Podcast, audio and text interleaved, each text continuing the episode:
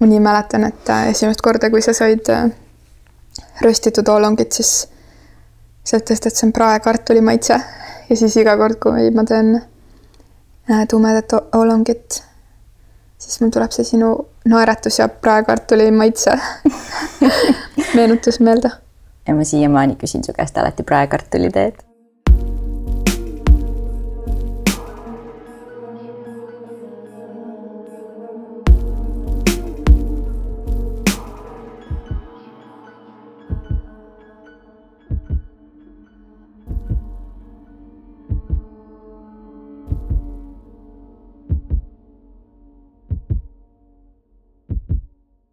ma ei mõelnud selle peale üldse, et ähm,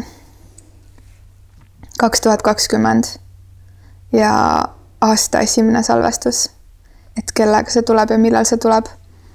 nii et sinu nimi minu selles failis, kus on kirjas inspireerivad tegelased, kellega ma sooviksin aja jooksul kindlasti nii vestelda, et see saaks salvestatud ka, on olnud äh, enne seda, kui me hakkasime üldse podcast'i avalikult tegema.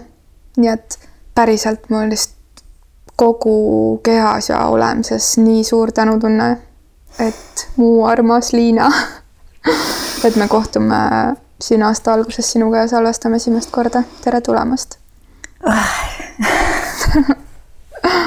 ma ütlesin sulle ka enne, et, et kui ma olen inimestelt küsinud, et mis te arvate, kellega võiks saate teha või keda te tahaksite kuulda, siis äh, aja jooksul viimase aasta jooksul ja eriti viimase poole aasta jooksul on päris palju sinu nime kirjutatud mulle ka ja öeldud, et väga tahaksid kuulda, mida, mida sa räägid ja enamasti naistelt.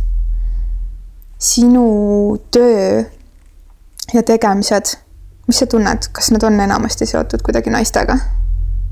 ma arvan, et kuna ma ise olen sündinud praegu sellesse ellu, see naise vormi ja ma teen seda kõike, mis ma teen ja elan ja hingan läbi naise keha, siis see võib-olla kuidagi paratamatult on rohkem sellest naise aspektist kõik kuidagi tuleneb või ma ei tea mm.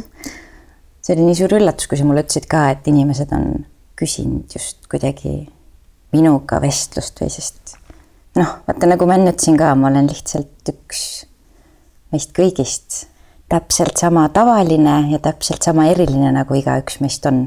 mistõttu siin võikski istuda ükskõik milline eriline tegelane ja siin ongi istunud väga erilised erinevad tegelased ja, ja nüüd on sinu kord. kui ma mõtlen tagasi selle peale, kuidas me kohtusime, siis äh, me tegelikult äh, sellist sõbrannatamist kus meil ei ole pluss ühtesid või pluss kahtesid või pluss kolmesid ümber olnud, ei olegi tohutult palju teha saanud, sest et, et me niimoodi natuke teadmatult kohtusime siis, kui me lapsi kandsime või märkasime kuidagi üksteist, ma arvan. ja siis teadlikult kohtusime siis, kui, kui lapsed olid juba sündinud. nii et, et me oleme sinuga kohtunud emadena ja meil on ühevanused lapsed, sinu kõige vanem laps ja minu lapsuke on äh, täpselt ühevanused, üks päev on neil vahet. kuigi me oleme kohtunud emadega, emadena, siis äh, minu jaoks sa oled äh, nii tohutult olnud suureks õpetajaks just naisena ja see on päris haruldane, kuidas äh, kuidas mõni naine suudab olla kõike, ettevõtja, ema ja naine. ja kui sa vaatad kõiki neid asju, mida ta edukalt teeb, siis esimese asjana tuleb sealt välja ikkagi see naine ja ma olen nii tänulik sulle selle eest. et äh, ma tean, et sa alati vastad mulle selle peale, kui ma, kui ma ütlen, kui palju ma sind naisena imetlen, et mis sa räägid ja kõik siuksed nagu kuidagi, et, et. ja see on ah. üks õppetund, mis mul on pooleli õppimine, aga mis on nii oluline meil kõigil ära õppida, on see vastuvõtmine, mis on nii keeruline tundub. ja samas nii lihtne, et äh, aitäh mulle seda kogu aeg õpetamast, sinuga ma saan seda praktiseerida.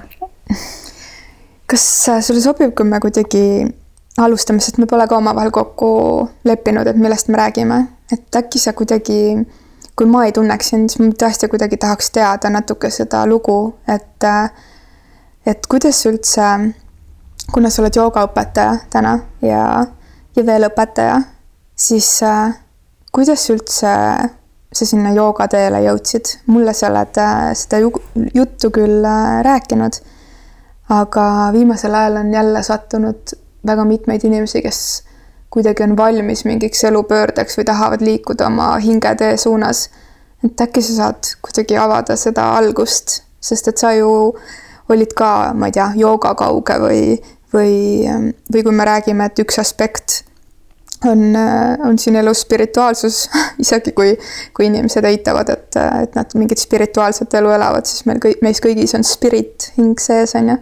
et kuidas sa selle oma hingetee leidsid ja millal see oli?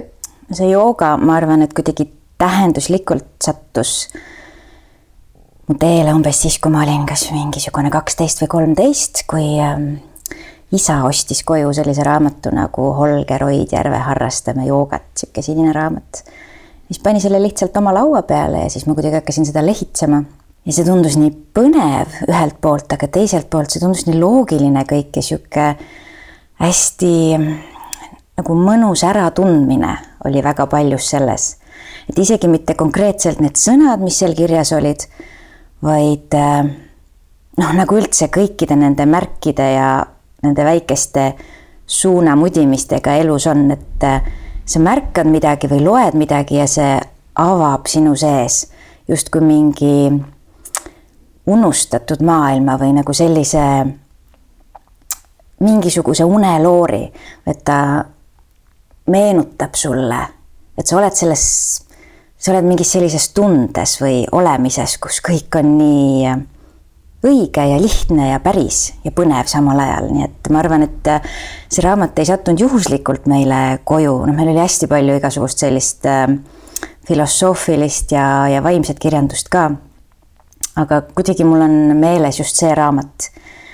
ja, ja siis mul on meeles äh, hetk umbes äh, võib-olla kaheksa aastat hiljem, ma täpselt seda ei mäleta, aga et see on hetk, kui äh, meil oli selline samasugune pime ja vihmane ilm nagu praegu, oli ilmselt vist mingi novembrikuu ja must ja külm ja märg. ja ma sammusin mööda teed ja vihma sadas ja sihuke pimedus oli mööda mingit suurt teed, kus need tuledega autod muudkui vohasid mööda. ja selles punktis oli, oli elu just sellises punktis, kus mõlemad mu vanemad olid lahkunud sellest kehastusest. ja mul ei olnud katust pea kohal ega süüa midagi ega ka midagi taskus, et osta, ma mäletan, käed tohutult külmetasid ja, sest kindaid ei olnud, et need olid ka jäänud kuskile.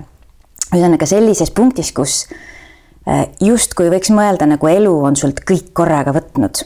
Sellises nagu tohutus üksinduses või noh, sihukeses tõelises pimeduses. ja kuidagi see hetk on nii eredalt äh, mul meeles, et selles oli äh, mingisugune sihuke valgus või rahu või selline sügav vaikus. Ja selles vaikuses oli nagu kõik, kõik kogu olemise ilu sees ma isegi ei oska seda täpselt sõnadesse panna, et, äh, et kas nagu muutus sellel hetkel midagi või lihtsalt on mingid hetked, mis jälle avavad sind sellele tundele või meenutavad, kuidas, kuidas kõik, kõik on olemas igas hetkes. ja ükskõik, mis sinuga siis juhtub või millistes oludes sa oled, siis alati see ruum, mis su sees on, see hing või universum või ükskõik, kuidas me seda nimetame, aga ta kannab sind. ja kui sa lihtsalt lõdvestad ja usaldad, justkui nagu kukud sinna universumi sülle, siis sa ei kuku sellest läbi, et äh, meil on alateadlik hirm ja ja paanika võib olla alati hirmude ees, et me kukume kuskile sellest läbi või, või surnuks või, või mis iganes selles pimeduses on, aga kui sa lihtsalt lõdvestad ennast ja lased endal kukkuda, siis selles pimeduses võib olla kõige ilusam valgus või kõige ilusam äh, ilu ja olemise ehedus, et vot ma ei oskagi seda hetke kuidagi sõnadesse panna, aga see on kuidagi seotud selle punktiga, kus äh, kolmeteistaastaselt äh, isa selle raamatu mulle tõi, sest sealt siis selle kaheksa aastat hiljem punkti juurest kuidagi hakkasid mingid harud tooma aina rohkem seda joogat sisse siis tegelikult lihtsalt neid õpetusi, milles ma tundsin jälle ära selle, et oh, midagi avanes mu sees, mis juba on seal olnud, mida me kõik teame. kuidas see kuidagi, ma ei tea, see ruum lihtsalt oli nii ilus, et ühelt poolt äh, ma kuidagi hästi teravalt tajusin, et kõik ongi siin ja praegu, et kõik on kogu aeg muutumises. et me olemegi siin hästi ajutiselt, kõik, mis meil on, on hästi ajutine aga see ei ole midagi hirmsat, et see on nii ilus, see on nii kaunis, et kõik on kogu aeg muutuses. ja see suur avar valgus, mis meie sees on, kui me usaldame, siis ta kannab meid. ja ta tõelises sellises ilus ja kerguses saab meid kanda ka siis, kui, kui noh, elu ei paita just, sest jaa yeah ma ei teagi, kas ma täna ise ühel hetkel oleks äh, julenud su vanemate kohta küsida, aga kuna sa ise selle praegu niimoodi üles tõid, siis ma mäletan seda, et, et me olime juba tükk aega tundnud üksteist ja juba rääkinud ka igasuguseid jutte.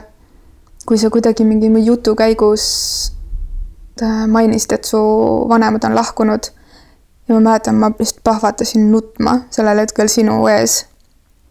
sest ma ei teadnud seda. ja see oli mulle nii ootamatu. ja, ja ma arvan, et see, miks ma nutma plahvatasin, oli kuidagi see, et, et see, kui soe ja päikseline ja terviklik sa oled kõikides oma aspektides, ei oleks mulle mitte kunagi üldse sellist mõtet lähedale toonud, et, et sul pole kõrval toetamas tagalas kuskil nüüd praegu enam vanemaid sellisel kujul. ja kuna sa seda äh, kuidagi nii kergelt äh, ütlesid, siis ma olin täiesti šokeeritud sellest ja me oleme natuke sinuga rääkinud ka sellest, et sa oled kuidagi kasvanud tõesti selles usalduses nii tugevaks ja inspireerivaks naiseks. ma väga imetlen sind selle eest kõige muu hulgas. kui see jooga jõudis siis alguses lauale ja kuidagi taipamine sellest sinna, sinna sinu sisse, siis tegelikult sa tegid ikkagi veel mingit muud tööd ja elasid justkui mingit muud elu. et millal see switch toimus, et, et päriselt astuda joogateele ja kuidas sellest joogast, mis on väga üldine mõiste, sai kundalini? vot nagu manifesteerimist ja kõike, et äh, suts läheb aega, enne kui nad äh, päriselt niimoodi ellu loovad, nagu sa neid tahad, oled planeerinud ja siis äh, energiat saatnud ja kujundanud mingis mõttes seda oma ähm, jah, pilti sellest. mul oli teismelisena oli mul kuidagi hästi selge visioon sellest, et ma tahan hoopis töötada kuskil turunduses ja moeäris ja, ja hoopis ähm, ühesõnaga, ma olin loonud väga niisuguse selge pildi sellest, kus mulle meeldiks, äh, mis, mis tööd mulle meeldiks teha ja millises äh, olemises olla.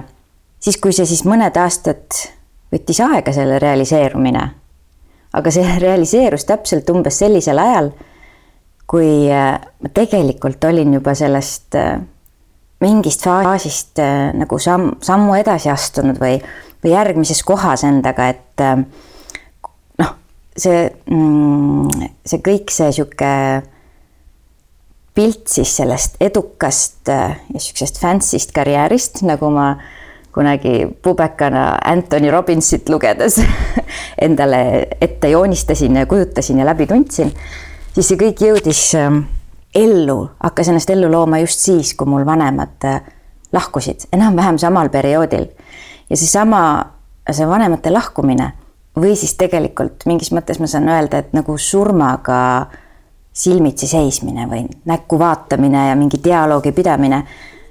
ja mõistmine, kuidas äh, iga hetk elust on nii oluline, iga sekund, kõik see, mis sa teed, et ei ole seda, et äh, ma ei tea, homme või aasta pärast. Vaid et kohe praegu on tähtis see, et miks ma midagi teen, mis ma päriselt tahan teha, et milleks mu hing siia tulnud on. siis äh, samal ajal kui kogu see minu fancy manifesteeritud karjäär justkui nagu alguse sai, siis äh, ma olin seal, kus ma just tahtsin minna enda sees kuidagi sügavamale ja selle välispidise noh, mis moe business on, ongi sihuke hästi välispidine. et see mind nagu enam ei kõnetanud üldse sellisel määral. ma arvan, et ma ei hakanud punnitama midagi, sest et ähm, ma arvan, et ma lõdvestusin lihtsalt kulgemisse, sest kogu see periood oli selline, et, et sul ongi valik, et kas sa kuidagi võitled või põgened, mis meil on tavaliselt, me arvame, et meil on kaks valikut, kas võitle või põgene. ja tegelikult mulle tundub, et ainus valik, mis me võiksime valida, on lõdvestumine. et sa mingis mõttes oled nagu voos ja siis äh, lubad tulla asjadel ise su sisse, su seest ärgata ja siis välispidiselt see, mis sinu sees tärkab või kasvab, saab hakata välispidiselt ka manifesteeruma. ma mäletan äh, küll seal mingi periood, kus ma olen seda kuulnud paljudelt teistelt ka, et kui tehakse mingi karjäärimuutus või kuidagi või liigud kuidagi edasi endas, muutud nagu siis äh, on mingi selline tühjuse periood, kus mingid äh, tegemised ja sõbrad ja kõik, et need vanad nagu justkui enam ei kõneta või ei kõla sinuga kokku ja teiselt poolt see uus maailm kõik ei ole veel tulnud või see, mis äh, selle uue sinuga siis kuidagi tagasi peegelduks, et äh, see veel ei ole jõudnud füüsilist vormi võtta. ja siis seesama, see tühjuse tunne, mis on sarnane jälle selle surmaga vastakuti olemisele või talle silma vaatamisele, et et see tühjus tegelikult on tohutult ilus. ja me nii väldime seda või kardame seda, et selles, kui me suudaks sellest hirmust lahti lasta, selle vaikuse ja tühjuse üksi olemise eest samamoodi, siis äh, jälle jõuame sinna, kuidas see tunne, kuidas sa, kuidas universum tuleb sulle alla, võtab sind justkui sülle, kannab sind ja sa lihtsalt nagu laps paned pea justkui ema sülle. puhkad seal natukene ja siis ärkad värske värske puhanuna, selline. ja et see seisund saab, lubab vastu võtta siis kõike uut, seda, mis sinu sees on kasvanud. ma läksin kaugele küsimusest. mul on tunne, et seda, et, et seda olemist või liikumist või usaldust nõnda kirjeldada, nagu sa praegu tegid, saab siis, kui sa oled äh, seda rada käinud aga kui keegi praegu on selles kohas, kus see tühjus on justkui ühe sammu kaugusel ja ta näeb, et hakkab sellesse laskuma või on just selles tühjuses, siis ei ole veel seda tarkust või seda usaldust. kuidas seda kirjeldada kasvõi tagantjärgi praegu ühele inimesele, kes ütleb, et jaa, ma saan aru, millest sa räägid ja, ja ma tahaks ka, et see usaldus või universum mind kätel kannaks, aga mida ma reaalselt igapäevaselt pean tegema või kuidas ma olen, et et kas see tähendab, et ma viskan hommikul, tõusen üles ja siis viskan selili maha või olen nagu känkras tugitoolis või pikutan diivanil või, või jalutan või et mida see ühe inimese jaoks igapäevases elus tähendab, kust alustada, mida teha, kuidas seda usaldust võita, sest see kõik on töö iseendaga ja kasva, kasvamine samamoodi, on ju. ma arvan, et kõige lihtsam viis on see, et sa hingad sisse ja välja. ja sa hingad edasi seni, kuni sa ei ole enam oma mõtete küüsis. Selles mõttes on hea, kui sul on mingisugune praktika, noh nagu minul on need jooga, kundalini jooga tööriistad, mis noh, mida ma nende puhul eriti naudin, ongi see, et Nad lubavad su meele ja intellekti samamoodi välja lülitada, et, et see mõtete voog, mis meil on, see on tohutult kurna ühelt poolt, ta sööb meie elu energiat. ja teiselt poolt see ei too ühtegi lahendust, et ükski sinu tõega kooskõlas olev tegu või sõna või otsus ei sünni peas. see sünnib ainult südames, aga sa saad südamesse jõuda siis, kui sa suudad selle pea välja lülitada. et mida rohkem nagu mõtleme või siia intellekti kinni jääme, siis seal on suur oht, et me liigume sellest oma tõest, mis on hästi tugevalt tunnetusega seotud, kaugemale. intellekt on tänapäeva maailmas väga tihti võrdusmärgiga ühel real kuidagi tarkusega või taibukusega. kuidas see sind kõnetab? ma ei tea, mis see ametlik definitsioon on, aga mulle tundub, et intellekt on selline tarkus, mida me oleme kuskilt raamatutest õppinud või siis ka kuidagi võib-olla oma kogemust ka sinna lisanud, aga ta tuleneb ikkagi peast. et mingi käitumine või tegu, mis äh, saab alguse peast, aga minu meelest eriti naistele, mulle tundub, eriti naisena sündinutele on see kehatarkus palju olulisem ja kehatarkus läbi südamekeskuse kuidagi noh, keha üleüldiselt on selline info edastaja eriti naise keha, et äh, Kundalini jooga ütleb ka, et meil on kuusteist korda rohkem neid antennikesi ja kanaleid, mis võtavad infot ja saadavad infot. Et kui me suudame lülitada oma selle mõtete jada korraks välja, siis meie keha muutub palju teravamaks.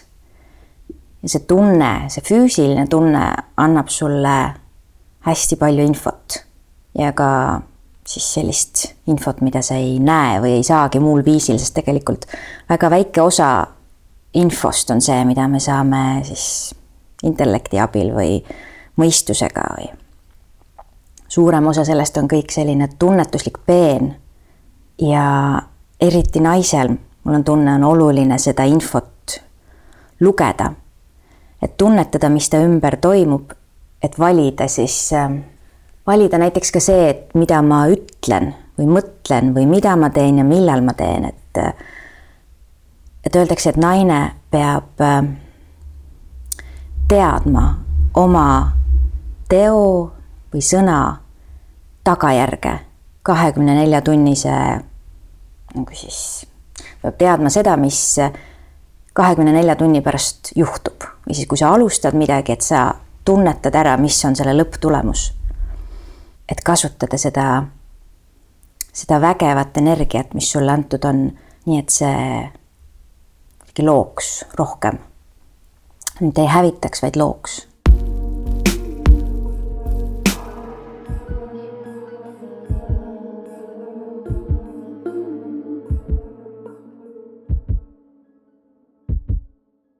aga selleks, et, et ära tunda see oma on vaja kuskilt selle omaga kohtuda.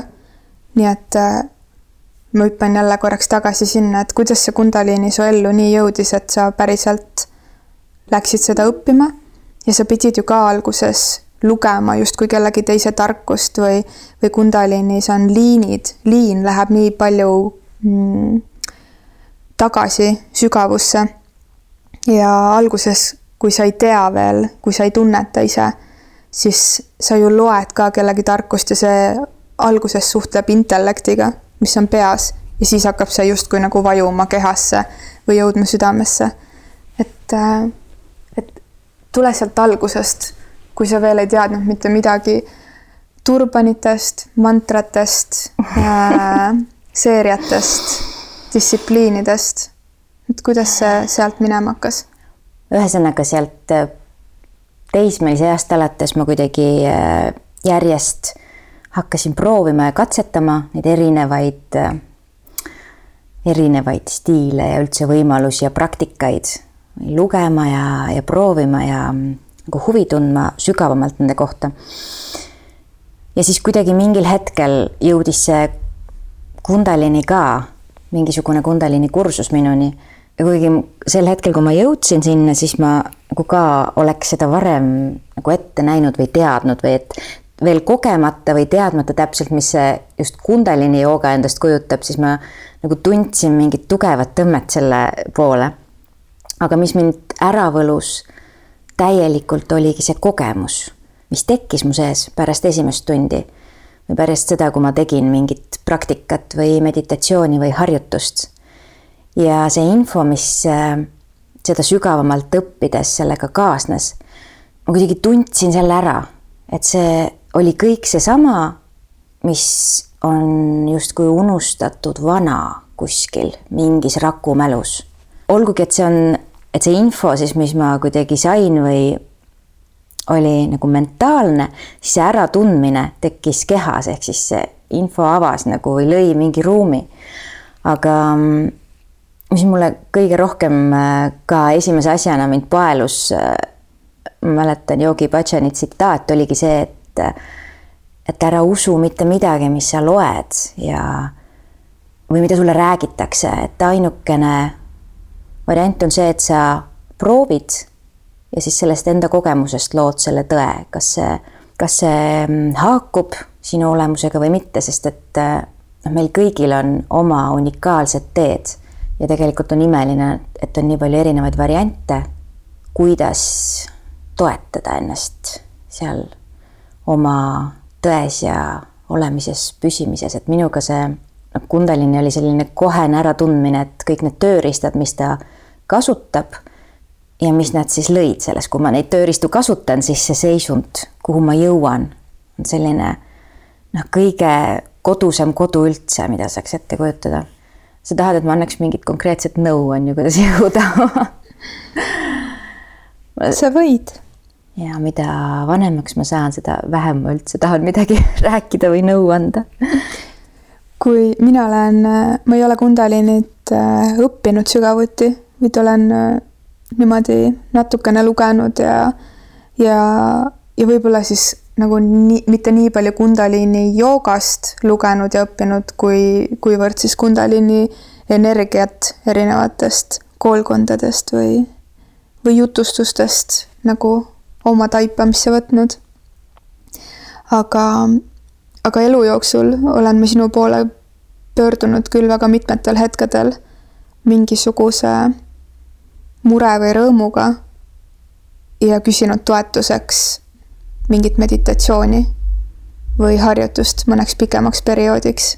ja kuna need on alati mind väga toetanud, siis ma olen sult küsinud ka sellist asja, et et kui need Kundalini mantrad ja meditatsioonid on äh, nii toimivad, et miks siis kõik inimesed seda ei kasuta?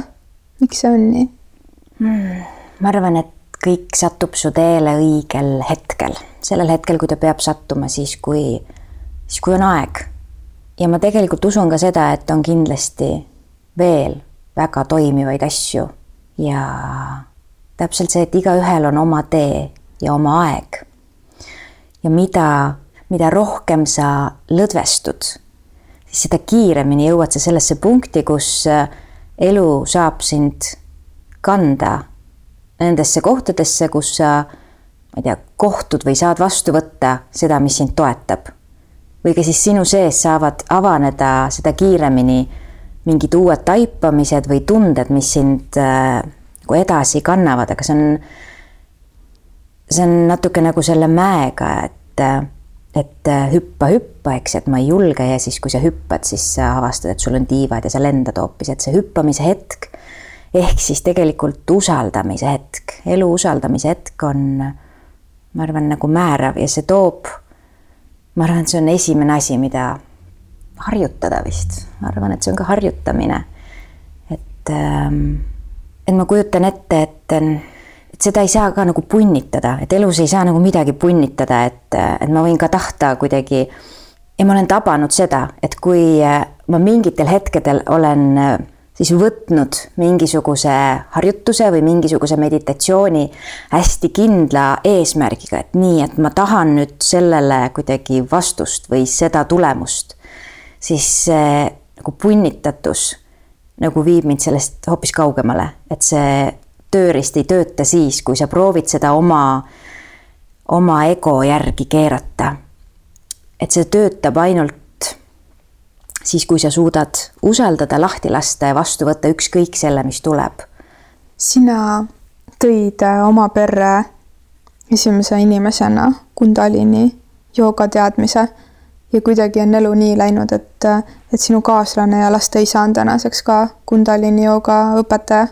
kuidas mehed jõuavad selliste pööreteni või muutusteni või lisadeni oma elus? peaks Atsiga saate tegema sellest või? Ma arvan ikkagi seda, et, ähm, et, et sul on sees mingisugused asjad, mingid sellised suuremad avanemised on tegelikult seemnena su sees olnud juba pikka aega. Ma arvan, et juba elusid, et ega selles mõttes Ats ka ei hakanud kõigest sellest nähtamatust huvitama alles siis, kui mina tema ellu tekkisin, et see on ka temaga kaasas käinud lapsest peale. ja kuigi see kuidagi alguses ei olnud nii intensiivselt, siis äh, öeldakse, et naise roll ka mingis mõttes on äh, nagu justkui mehest see puhas teemant välja tahuda ja mitte siis nagu tehes midagi või läbi sõnade või tegude, vaid just läbi energia. noh, ma arvan üldse suhtes, naise-mehe suhtes on naise põhi nagu viis, põhitoimetamise viis on pigem ilma sõnadeta, läbi energia. aga selle tahumise juurde tagasi tulles, et äh, öeldakse, et alateadlikult iga mees tegelikult otsib sellist naist, kellel oleks jõud ja vägi jõud-vägi on igas naises olemas, aga see teadlikkus siis sellest, teadlikkus ja oskus seda kasutada, et ta suudaks luua sellise ruumi, kus äh, mehest saab täielikult siis kogu tema potentsiaal lahti rulluda. kuidas seda teha? ma just tahtsin jõuda, et ma ei taha kuidagi väita, et või nagu, et ma oleks seda teinud nüüd või, või võtta nagu mingit niisugust nagu seda seda enda, ennast sinna taha panna, et ma tahtsin tegelikult, nüüd mul tuleb meelde, kus ma tahtsin sellega jõuda, on see, et naine selle hästi terava tunnetusega, mis tal tegelikult on, eriti kui ta oma äh, meele saab korraks vaikseks, siis äh, ta näeb sekundiga läbi ja tajub, tunnetab sekundiga läbi täpselt, milline on mehe potentsiaal, erinevate meeste potentsiaal ja see on üks äh, nagu ma arvan, alateadlik viis, kuidas me valime ka endale seda õiget partnerit. et ma arvan, hästi oluline on väga teadlikult valida, millisele mehele sa annad oma energia. ja mida läbi selle saab siis maailma loodud. ja seesama nagu nähtamatu nägemine, mida naine suudab, siis selle mehe potentsiaali tajumine juba enne seda, kui, kui noh, on, on see käes. tähendab ühesõnaga seda, et, et mitte naine ei muuda meest kuidagi, vaid naine valib selle mehe, kes juba on vägev ja väekas. ja selle ruumiga, mis ta loob, selle armastuse ruumiga, teadlikkuse ruumiga, saab mees seal ise oma tõelisesse siis potentsiaali puhkeda ma arvan, et see on miski, mis äh, ongi kõige rohkem inspireerinud sinu juures. Et mul on hea meel, et sa praegu suutsid selle kuidagi kompaktselt siia sõnastada. kuna ma teen teetseremooniaid, siis see on üks viis, kuidas ma kohtun ähm, ilusate võõrastega. ja, ja tihtipeale on need hetked, kus ma näen, et, et uks äh, uks stuudiosse läheb lahti ja, ja, ja justkui üks naine lükkab oma selle mehe siia ruumi sisse või et on ta kaasa tirinud või tarinud. et millegipärast me naistena tihtipeale oleme selles mõttes nii jõulised, et tahame neid mehi joogasaali kaasa tirida või kuskile tantsima kaasa tirida või, või, või kui me ise oleme mi-, millestki vaimustunud, see ei pea olema ainult kuidagi spirituaalsetesse piiridesse jääv kogemus, vaid ka ma ei kujuta ette, mingisugused äh, bailatiinod või, või, või erinevad sellised kohad, kus, kus keegi tunneb ennast elusana, siis äh, arvatakse, et see hetk saab täiuslikumaks ainult siis, kui see minu keegi armas, minu partner, minu mees äh, kogeb sedasama.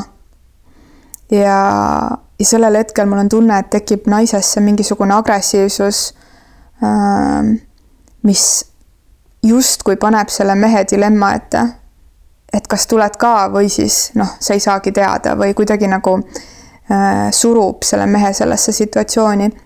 ja need hetked, kus, kus siis need mehed nagu astuvad ruumi sisse ja ma näen, et nad ei ole üldse valmis, et, et praegu teele jõuda või, või ja siis ma kuidagi alati läbi nalja proovin öelda, et annan võimaluse ka kõigil ruumist lahkuda, kes tegelikult tahaksid kuskil mujal olla. kas, kas see on midagi, mis tuleb sulle tuttav ette, mida sa näed teiste naiste juures, mida sa ise võib-olla kunagi oled teinud? Äh, mis, mis meiega siis juhtub või mis, mis, mis see on? ja ma arvan, et see, et sa kasutasid sõna agressiivsus on hästi täpne et see tundub selline, selline hästi vägivaldne tegu tõesti, et, et äh, kui ma ennast nagu mehe rolli paneks, et siis justkui keegi tahaks mind muuta jõuga mm. -hmm. ja samal ajal nagu ootaks või vajaks mult midagi ja, ja paneks tohutu pinge peale.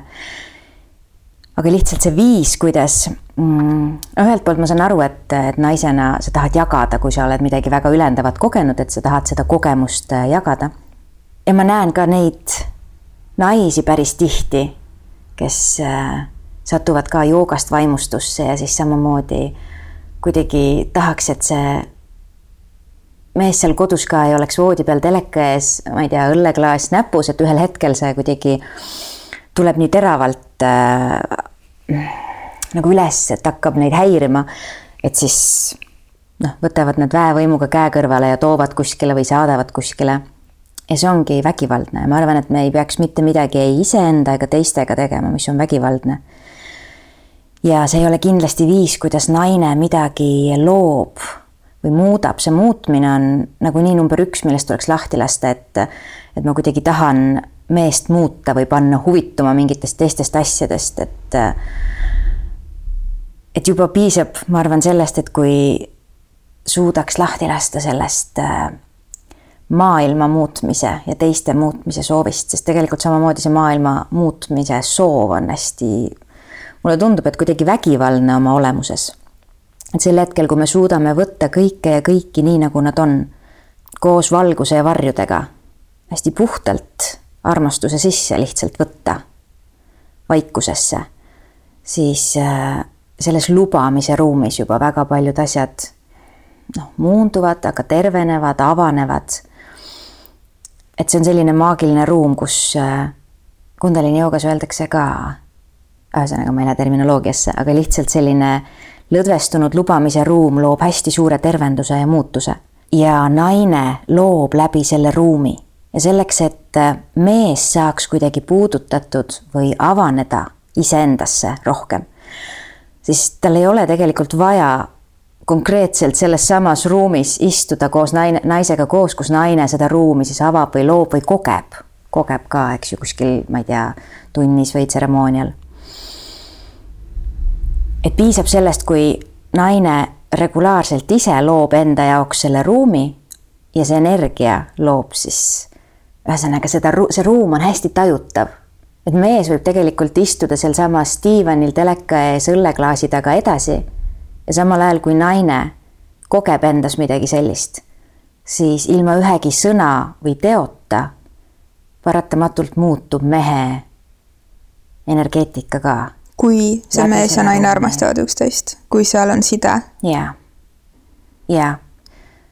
kas see armastus on see sild selleks, et, et kui naine õppides ja avardudes ükskõik kus toob selle avardunud ruumi koju, siis äh, et mees saab sellest osa või seal ei pea olema armastust. aga kas sellisel juhul, kui seal armastust pole, see mees äh, joob lihtsalt selle naise tühjaks või kuidas see vahetus sinu silmis või tunnetuses toimib? et mida see naine sealt siis vastu saab, kui, kui on praegu see setup, mida mida sa ütlesid ja mida ma olen ka kuulnud palju naisi kirjeldamas, et, et mees on õlleklaasiga äh, teleka taga ja tema käib kuskil tseremooniaid või, või praktikaid mööda. ma arvan, et sellepärast ongi oluline väga teadlikult valida seda inimest, kellega koos sa kulged läbi elu. Siis seda meest, kellele sa annad oma energia, sest ühelt poolt sa ei anna nagu endast midagi ära, et sa ei jää nagu tühjaks, et sa, et naine tegelikult on kogu aeg kanalis, kui ta oskab olla selles kanalis. täitub kogu aeg uuesti, muundub, uueneb. aga mida ma ka tihti näen, on see, see nagu valik või teadlik, teadlik otsus valida endale meest, nii et sul on samal ajal kroon peas ja tiivad seljas. et sa teed seda lisaks nendele liblikatele kõhus ja haistingutele ninas ja, ja kõikidele nendele hormoonidele ja suurele armumisele, ka sellelt kõrgelt puhtalt, selgelt tasandilt, kus sa näed täpselt ja tajud täpselt, kui palju väärikust on selles mehes, kui palju, kuidas ta suudab, kuidas ta suudaks sind ja maailma kanda. nii et sellele, tema loomisele siis anda jõudu et tegelikult naisel ei ole meest vaja üldse, et naine elab, naine elaks ka üksinda täiesti sellises säravas teadlikkuses ja rahulduses Yogi Bhajan on ka öelnud, et naisel on sama palju meest vaja kui, ma ei tea, diivanit. Et see naise terviklikkus, kui ta on endaga ühenduses ja vägi on lihtsalt nii võimsad. ehk siis kui valida endale kaaslast, siis mitte teha seda mingist hirmust või üksi oleku tunde pärast või ma ei tea, mille pärast äh, juhus või kuidas, kuidas inimesed nagu loovad neid otsuseid. vaid sellest kohast, kus sa oled äh, oma väärtusega ühenduses ja tead, et äh, ma olen ühte sellist kvooti lugenud, et Please don't say I complete you. jaa. Because I m complete already. jaa, täpselt. nii et kui sa tunned, et, äh, et sa oledki sina ja siis kohtud kellegagi ja näed, et, äh, et kuidas see koosloomine võimendab olemist veel, et siis see on midagi, mida mida astuda või tantsida. ja just äh, see sõna austus kuidagi tuleb mulle tihti nagu pähe või kui ma märkan äh, enda ümber naisi, kes on kuidagi õnnetutes suhetes või, ähm, või ei väärtusta ennast. et see, ühesõnaga kuidagi, et naine on niivõrd vägev ja kaunis ja võimas olend. et kuidas ta üldse saab millegi vähemaga leppida, kui ainult äh, sellise kaaslasega, kes äh, ja, austab ja tõstab ja hoiab teda. kuidagi sellega mul on ka äratundmine olnud, et, äh, et olukorrad, kus, mis panevad su väärikuse kuidagi võbelema või siis noh, tahavad sind tõmmata kuidagi rasketesse, madalatesse energiatesse. et siis lihtsalt keera selg ja lahku. et meil on kaks varianti, et kas sa jääd kohale, oled äh, nagu ruumi lubav, kõike lubav, aga sel hetkel, kui see tõmbab sind kuidagi nagu puudutab su väärikust või siis äh, ja see ei ole nagu see ego väärikus, see ei ole see, et oh, et kes sa oled, et mulle nii ütled vaid see on ka nagu see sihuke kuidagi kõrgem ja puhtam. ehk et ma ei, äh, ei lahku sellest hetkest ja olukorrast kuidagi nipsakalt ust pauguga kinni lüües, vaid ütlen aitäh. ma olen praegu näinud ja kogenud seda, mis, mis mul oli oluline teada, näha või tunda ja, ja tänus teades, mis sulle on mõeldud lahkud?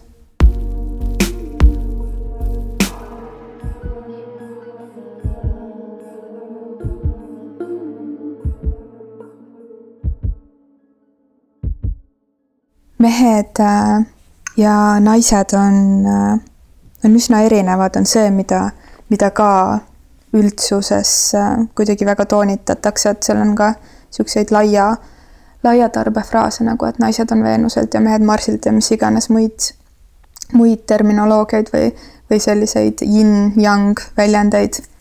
et me, me ei ole ainult erinevad äh, meeste või naistena, vaid me oleme erinevad ka naistena ja erinevad ka meestena.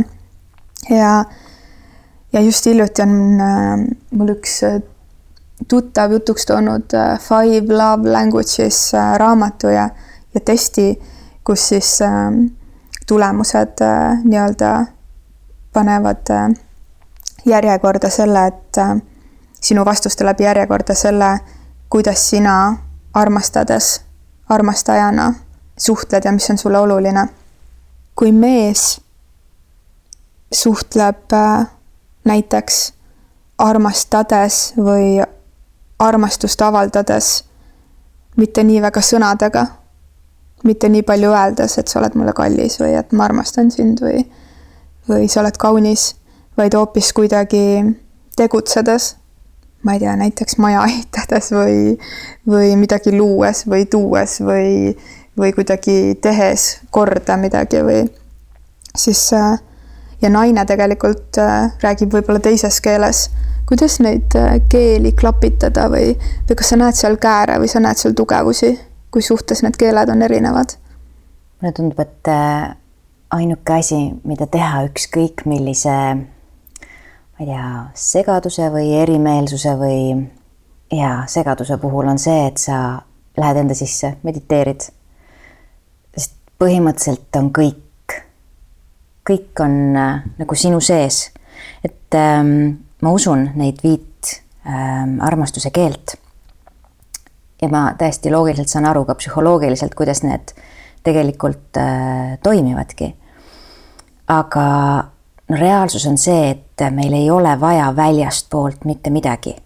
ehk siis, kui meil tekib juba mingisugune äh, nagu soov, mis on mingis mõttes nagu nõudmine või siis see tunne, et noh, et kui ta mulle kingitusi ei tee, et siis ma ei ole ma ei tunne ennast armastatuna, ma ei ole terviklik või kui ta ei ütle mulle seda sõnadega, siis äh, samamoodi see on mul puudu, ehk siis see nagu puudu olemise tunne, ükskõik mis erineva vormi me kuidagi sellele mõtleme või anname, siis see ei saa kunagi mm, nagu rahulduda välispidise andmisega. et ka kui ta ehitab sulle selle maja või kingib kingitusi või ütleb, siis mingi aeg läheb mööda ja sa ikka tunned seda puuduse tunnet. ja tahad veel, on ju. jaa et midagi ei saa väljastpoolt seda auku täita, mis on su sees, ainult saab selle augu täita see aeg, mis sa oled iseendaga mõtete vabalt. ehk meditatsioon. et sellepärast mulle tundub ka, et äh, ükskõik mis, äh, mis tunde korral, mida sa koged või erimeelsuse või mis iganes hetkel, kui sul on vaja mingit tuge, siis mina lähen ja teen mingi meditatsiooni ja tihtipeale ka konfliktide korral. See on nagu parim viis, kuidas neid lahendada, on see, et parim viis on see, et mõlemad lähevad natuke mediteerivad omaette ja ja siis see ruum on hoopis teistsugune ja lahendatud. mis ei tähenda, et nagu sõnu ei peaks kasutama, aga lihtsalt, et sa jõuad sellesse tundesse enda sees. et kõik on olemas, kõik on terviklik sest mulle tundub, et väga palju probleeme saavad alguse sellest, kui ma tunnen, et mul ei ole midagi või mingist sellest puudujäägist ja siis ma automaatselt hakkan seda kelleltki teiselt eeldama või ootama. ja see on selline nagu lumepalli efekt.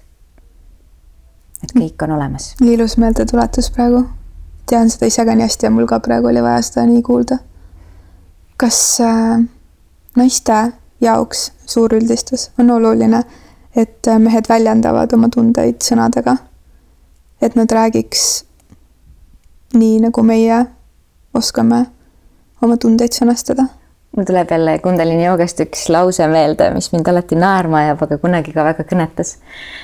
et on öeldud, Yogi Bhajan on öelnud, et naised ei otsi mitte või et et mis te teete, naised, et te ei otsi mitte meest endale, vaid äh, te tahate peenisega sõbrannat et need on nagu kaks eri asja. me. Tihtipeale naised tahavad kuidagi, et, et mehed teeks kõiki asju nendega koos ja, ja tõesti jagavad äh, nagu kõike äh,. kas sa arvad, et äh, või kas sa arvad, kas sa tunnetad, et see on täitsa okei okay,, kui sa ei tea, mis mehel töö, töö juures toimub ja ja, ja et sa ei pea kõike rääkima või, või kus läheb see piir armastaja ja, ja, ja sõbra vahel. sest et väga paljudes suhetes öeldakse ka, et mu partner on mu parim sõber. Mis sinu ja Kundalini taipamisi mööda äh, tähendab?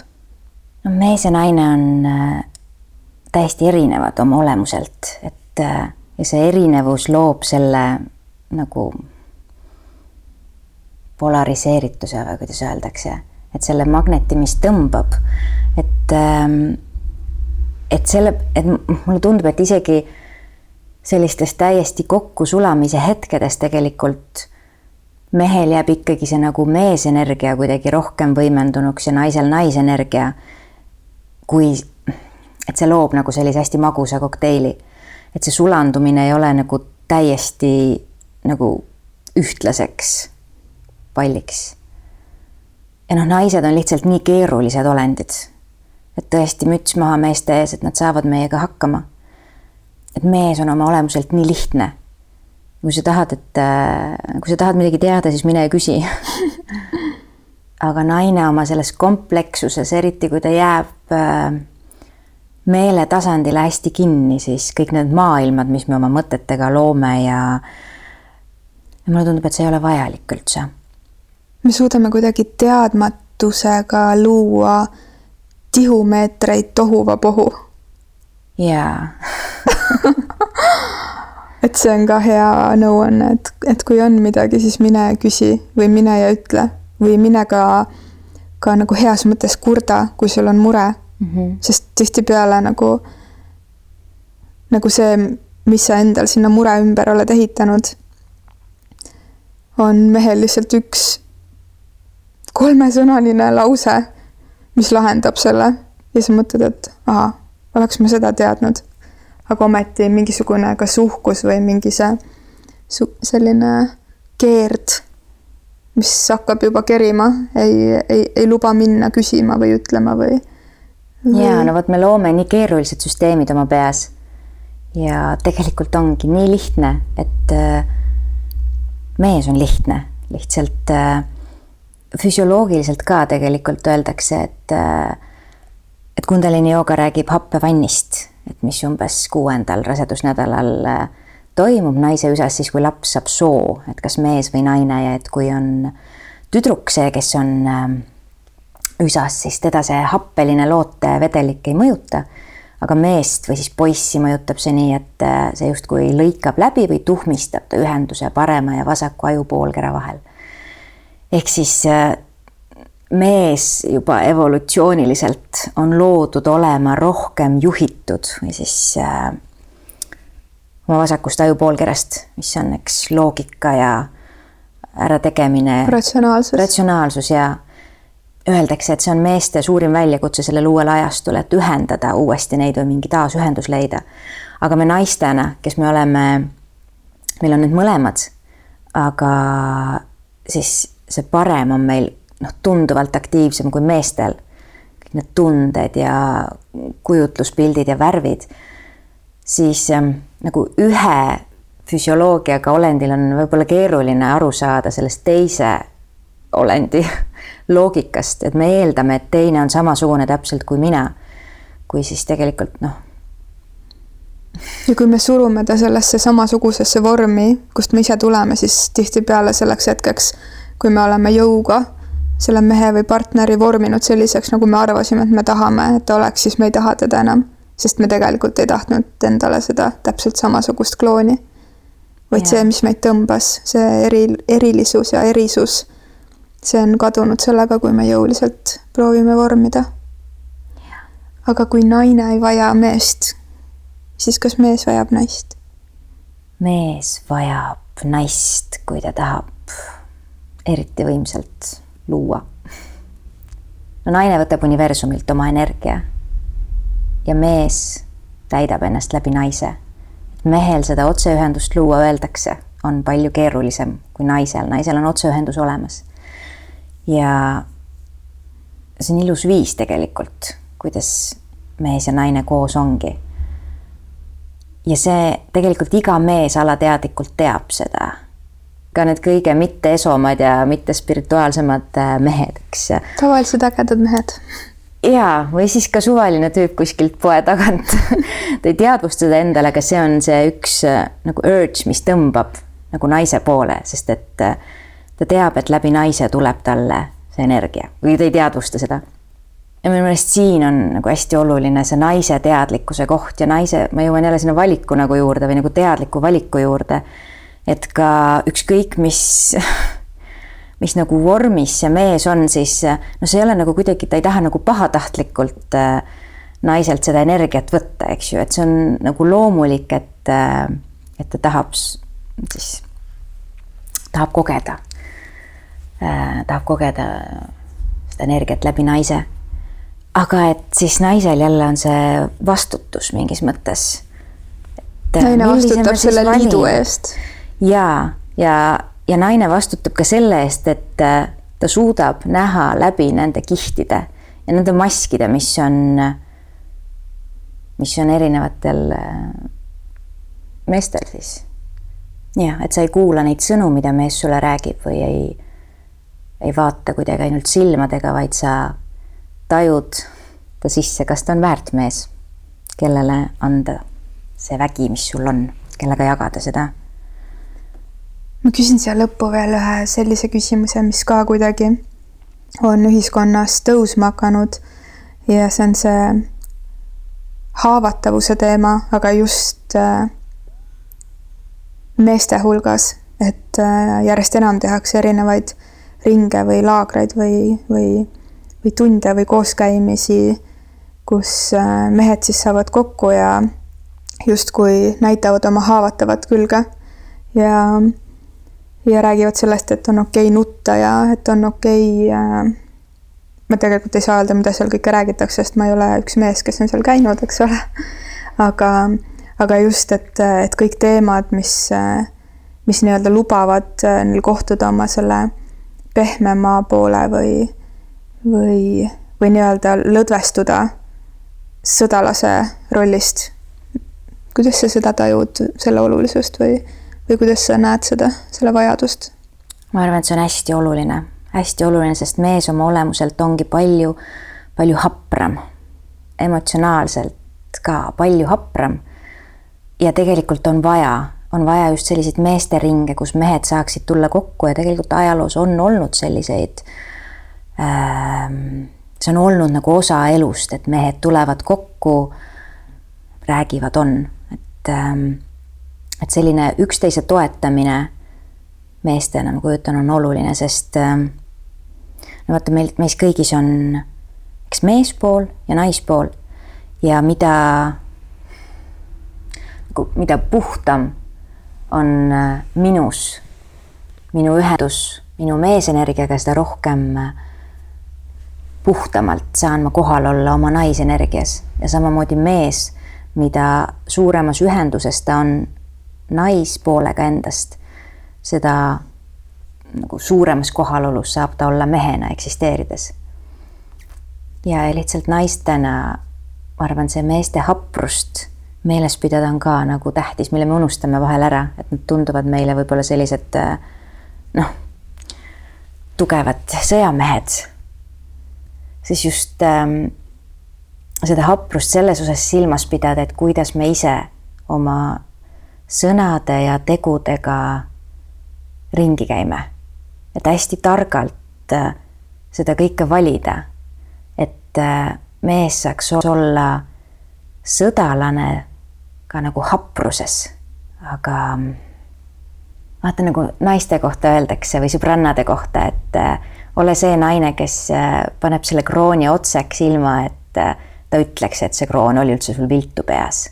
ilma, et ta seda kogu maailmale kuulutaks et see üldse viltu on olnud. just, just mulle tundub, et see meeste osas on sama, et, et hoida seda nagu ruumi, kus ta saab olla habras, samal ajal tundes, et ta on see sõjamees edasi. arvan, et see on see naiselik tarkus